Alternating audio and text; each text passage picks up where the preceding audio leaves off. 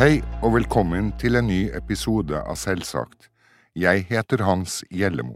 Og jeg heter Helge Olav Haneseth Ramstad. I dag skal vi høre mer om det som ikke fungerer med dagens BPA-ordning. Ulobas medlemsveileder Tone Skavhaugen kommer snart for å gi oss eksempler på hvordan kommuner hindrer funksjonshemma i å leve det livet de ønsker. Men først skal Mone Selin Skrede gi oss likestillingsnytt.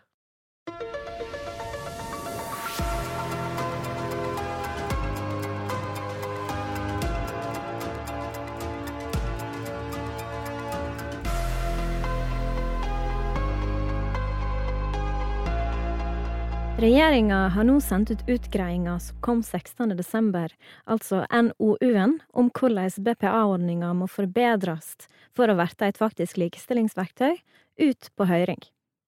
Nå kan du altså sende innspill til regjeringa om hvordan du mener BPA-ordninga bør se ut. Da utgreiinga om BPA kom, var det bare et mindretall i regjeringa sitt BPA-utvalg som stilte seg bak den. Flertallet stiller seg bak et alternativt framlegg, utforma av funksjonshemma og våre representanter sjøl. Begge framleggene er på høring. Våren står for døra, og vi har begynt nedtellinga til årets Independent Living-festival. Fredag 17. juni går likestillingsbrølet av stabelen, og lørdag følger Stolthetsparaden og Stolt natt. I år kan vi endelig fysisk rulle, marsjere og brøle i gatene sammen igjen, men som i fjor blir det òg høve til å følge med digitalt. Glem heller ikke den europeiske Independent Living-dagen 5. mai. I år som i fjor blir det markert med et digitalt arrangement, og i år skal vi mellom annet snakke om BPA-NOU-en og arbeidet med framtidas BPA. Situasjonen i Ukraina opprører oss alle. I en krig som råker alle innbyggere i landet, er funksjonshemma ekstra utsatt. Uloba vil gjøre det vi kan for å hjelpe mennesker som er drivne på flukt. Derfor stiller vi Freedom Express sine universelt utforma busser til disposisjon for å hente funksjonshemma flyktninger til Norge. Vi inviterer òg myndighetene til å samarbeide med oss om å legge til rette for at flyktninger lett kan få arbeid som assistenter. Dette var Likestillingsnytt, og jeg heter Mone Selin Skrede.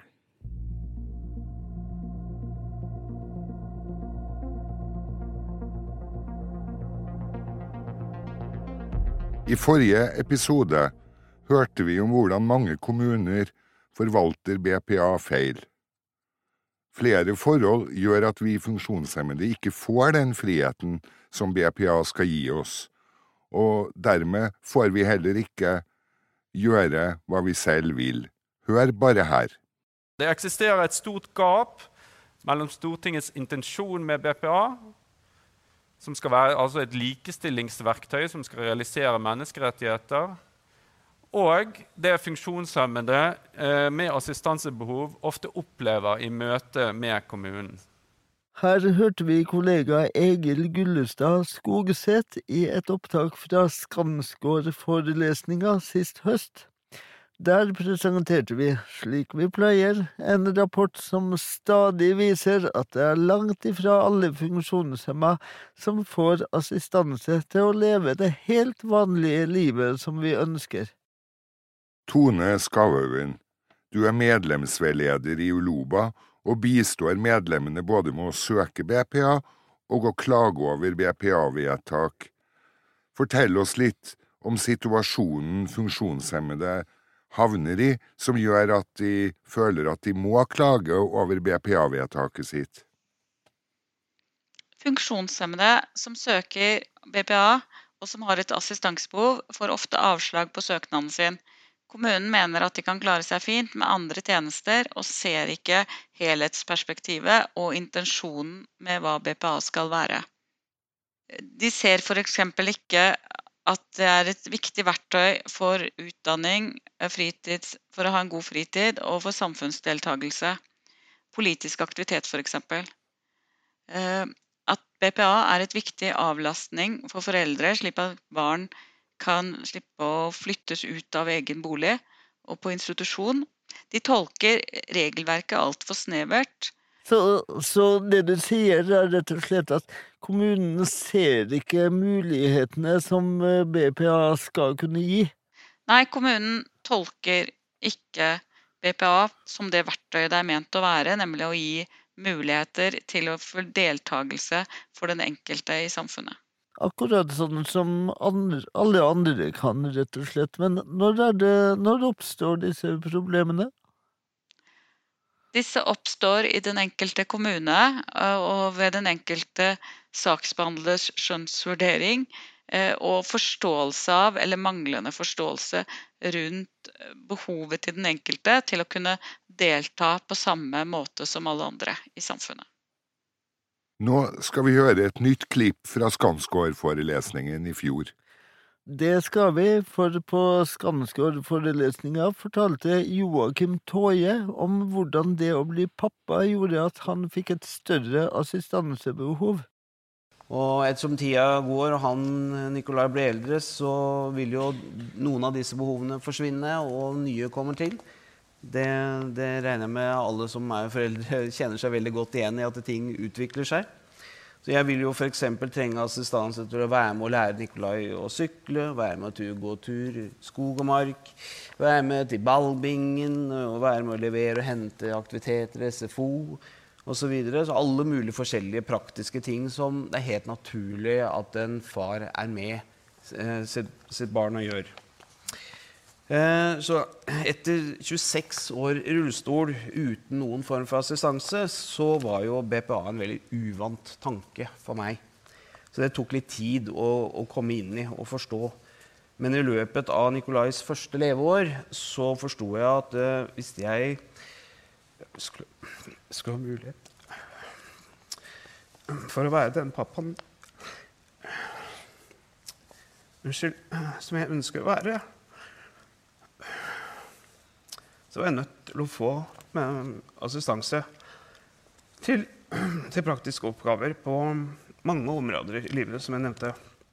Det var denne situasjonen som gjorde at eh, Joakim Toje søkte om å få BPA, etter å ha klart seg uten assistanse i 26 år som rullestolbruker. Men la oss høre ham lese ulike utdrag fra BPA-avslaget han fikk fra kommunen. Det er usikkerhet til hvilke rettigheter du har i forhold til alenetid og ivaretakelse av barnet da du bor med en frisk samboer som det ligger en forventning til kan ivareta barnets behov. Neste. Vi er allikevel tydelige på at det ikke lar seg gjøre å gi deg likeverdig ansvar. Lillesøm kommune kan ikke sette inn BPA som en kompensasjon for nedsatt omsorgsevne eller være en avløsning for foreldreansvaret for far. Og hvis en forelder er syk eller blir syk, må den andre parten ta større del av foreldreansvaret. Tone Skavøyen, hvor vanlig er den situasjonen som Joakim Toje havnet i, eh, hvor han ble nektet BPA til å være pappa? Dessverre er den veldig vanlig, eh, fordi kommunen ikke klarer å skille mellom nedsatt funksjonsevne og det å ha en nedsatt omsorgsevne. Det er ingen likhet mellom de tingene. Det har også Helsetilsynet gjentatte ganger presisert. Til tross for dette så fortsetter kommunene å la være å innvilge BPA til folk som trenger det for å fylle sin foreldrerolle. Toye fortalte sin historie i fjor, men så har det jo skjedd ting. Fortell hvordan det går med han nå. Joakim Toye har fått innvilget BPA etter klage til statsforvalteren. Det gjør at han i dag kan ivareta egen helse på en bedre måte. Han er mer likestilt i sin egen familie, og kan ivareta sine rettigheter og plikter som foreldre overfor sin sønn man kan eh, utføre sine politiske verv. Å følge barn i barnehagen og på fotballtrening, trøste dem og kle på dem er vanlige foreldreoppgaver alle skal kunne utføre. Hvilke andre gjøremål hindres funksjonshemmede i når kommunen ikke forvalter BPA riktig? Funksjonshemmede hindres bl.a. i å ta en utdannelse. De hindres i å være ungdom. De hindres i å delta på arenaer som er helt selvfølgelige for andre i samfunnet. De hindres i å få en jobb. De hindres i å selv bestemme i eget liv, som gjør at de kan få et godt selvbilde. Har du noen eksempler på det? Hvordan hindres eh, funksjonshemmede f.eks. i å få en jobb? Hvis du må vente på hjemmesykepleien til de kommer eh, istedenfor å kunne ha BPA på morgenen f.eks. før du reiser på jobb, så vil du ofte være forhindra både til å kunne studere og til å uh, skaffe deg en jobb. Du er heller ikke vant til å delta i samfunnet på en sånn måte som det forventes av andre. sånn at du, du regner ikke med at du kan delta i samfunnet og ha en jobb, så du tar ikke det ansvaret selv. Hva er årsaken til at det går så fullstendig galt når kommunene skal definere og tildele BPA? De forstår ikke uh, hovedprinsippet bak BPA, nemlig viktigheten av det å ha styring i eget liv. Det å ha styring i eget liv og bestemme hvem, hva, hvor, når, er grunnleggende menneskerettigheter. Når du sier hvem, hva, hvor, når, kan du Hva, hva, hva står de stikkordene for? Det består av eh, hvem skal bistå deg, og hva skal den gjøre, når skal det skje? Ja. ja, jeg skjønner. Rett og slett sånn at uh, du assisteres av den du vil til å gjøre det, det du har lyst til, når og hvor det passer deg. Ja. Stemmer det? Mm. Mm. Det gjør det. Det er du som bestemmer i ditt liv. Jeg forsto det slik at uh, mange ikke forventer selv å kunne delta. Har det å gjøre med at uh, de er for vant til et system der de ikke kan uh, styre assistansen på den måten? Er det riktig? Ja, de får ikke et selvbilde som gjør at de søker seg mot høyere utdannelse, og eh, at de ser for seg at de skal klare å kunne komme i jobb. Men eh, hva mener du skal til da for at eh, BPA skal bli ei ordning som fungerer bedre? Jeg mener at man må innvilge BPA i et sånt omfang at det, det er mulig å ha det etter intensjonen, ikke bare til grunnleggende behov. Eh, BPA må også ut av helselovgivningen og sikre retten til selvbestemmelse. Uavhengig av om du leder ordningen selv eller om du har medarbeidsleder. Ved å flytte BPA ut av helselovgivningen får man en reell mulighet til å ta egne valg i sitt eget liv. Ja, du sier at BPA må ut av helselovgivninga.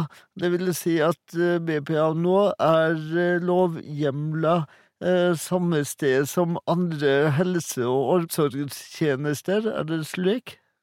Ja, det er det. Fokuset rundt som i dag er rundt helse- og omsorgstjenester. Man skiller ikke mellom helse- og omsorgstjenester eh, og det BPA er tenkt å være. Og en intensjon som ligger i BPA. Takk skal du ha, medlemsveileder Tone Skavhaugen. Refleksjonen denne gangen kommer fra Kåre Hunstad.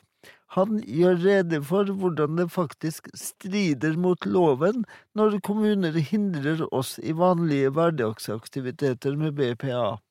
Jeg kan, eh, jeg kan si noe om eh, eh, hva vi opplever når vi er i eh dialog med eh, kommunene der ute. Vi utfordrer de jo ofte, og det generelle svaret vi får, det er at vi har tross alt det overordnede ansvaret her etter eh, loven, eh, og alt annet som står i loven. Og ikke minst så er vi nødt til å være trygge på den faglige forsvarligheten i de tjenestene som ytes der ute. Da syns jeg det er interessant å se hva som står i lovverket. I helse- og omsorgstjenesteloven så står det for eksempel, og jeg siterer, fremme sosial trygghet. Bedre levevilkårene for vanskeligstilte, bidra til likeverd og likestilling, forebygge sosiale problemer, og videre sikre at den enkelte får muligheten til å leve og bo selvstendig, Og så kommer en setning som er viktig, å ha en aktiv og meningsfylt tilværelse i fellesskap med andre. Jeg skulle ønske at jeg hadde fulgt regla, jeg. Eh, til punkt og prikke og bokstav, for da hadde det vært et helt annet innhold i de kontraktene. Her står det jo at de skal ikke diskriminere, eh, de skal sørge for likeverd, de skal sørge for en aktiv og meningsfylt tilværelse i fellesskap med andre. Jeg husker jeg snakka med ordføreren i, i, i Hamar.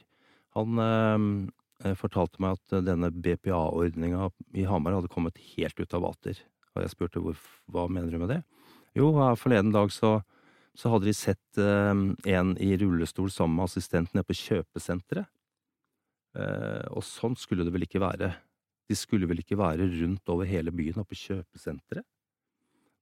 Sånn hadde ikke han eh, forstått det. Så kommunene de oppfyller faktisk ikke lovens eh, bokstav når de legger inn føringer eller bestemmelser som klart diskriminerer, begrenser eller fører til leveregler til det verre. Um, og loven peker på at kommunen skal individuelt vurdere hvert enkeltmenneskes behov, men det skjer jo ikke når man generaliserer innslag av for eksempel helsetjenester. Og en, en annen interessant utfordring i denne dialogen eller tennisen mellom Uloba og kommunene er dette med det faglige forsvarlige. Og jeg har utfordra kommuner, departement, direktorat, og spurt hvor går grensen for faglig forsvarlighet, og de svarer at en slik grense finnes ikke. Da må man individuelt vurdere hver enkelt ordning og hvilke behov som foreligger. Men det skjer jo i altfor liten grad. Og de peker på disse helsetjenestene. Da er det jo interessant å spørre seg hva er en helsetjeneste? Jo, det er en tjeneste som bare kan utføres av personer med autorisasjon eller lisens. Ufaglærte assistenter utfører ikke helsetjenester. Derfor er assistentene unntatt fra rapporteringsforskriften. Likevel skal mange kommuner pålegge assistentene våre å rapportere, og her går eh, kommunen langt utover eh, rammene. I det siste rundskrivet som fulgte rettighetsfestinga eh, med virkning fra 1.1.2015, så står det at tjenestemottakeren skal kunne gjøre det man normalt gjør i livet. Så hvis du har vondt i hodet, så tar du en Paracet. Hvis du ikke har fingerferdighet eller har nedsatt funksjonsevne i armene, så er det innafor å la assistenten gi deg Paraceten eller medisiner som du har fått av legen din. Det finnes mange såkalte helserelaterte oppgaver en assistent eh, kunne gjøre, sette en diabetessprøyte eller en pennesprøyte. Assistenter kan fint gis opplæring i å håndtere stomi, ordne med en pustemaskin. Det er masse ting. Jeg ville jo følt meg langt tryggere hvis jeg var avhengig av en pustemaskin. Jeg hadde en fast assistent som jeg hadde gitt opplæring, og han eller hun hadde oppgave med denne pustemaskinen eh, hver eneste dag. Eh, I forhold til at det kom stadig nye og ukjente mennesker fra hjemmetjenesten i kommunen og skulle ordne med den samme eh, pustemaskinen. Det rare er at kommunen ikke eh, kunne tenke seg å snu på flisa da, og si at ok, nå har du fått BPA, da får du og assistenten din klare deg sjøl. I Helsedirektoratets veileder for kvalitet og faglig forsvarlighet så heter det at bruker er ekspert på eget liv. Det man kan klare selv, vil frigi ressurser. Så kjære kommuner, snu fokus, Gi arbeidsleder ansvar, dere må våge å gi funksjonshemma ansvaret for eget liv.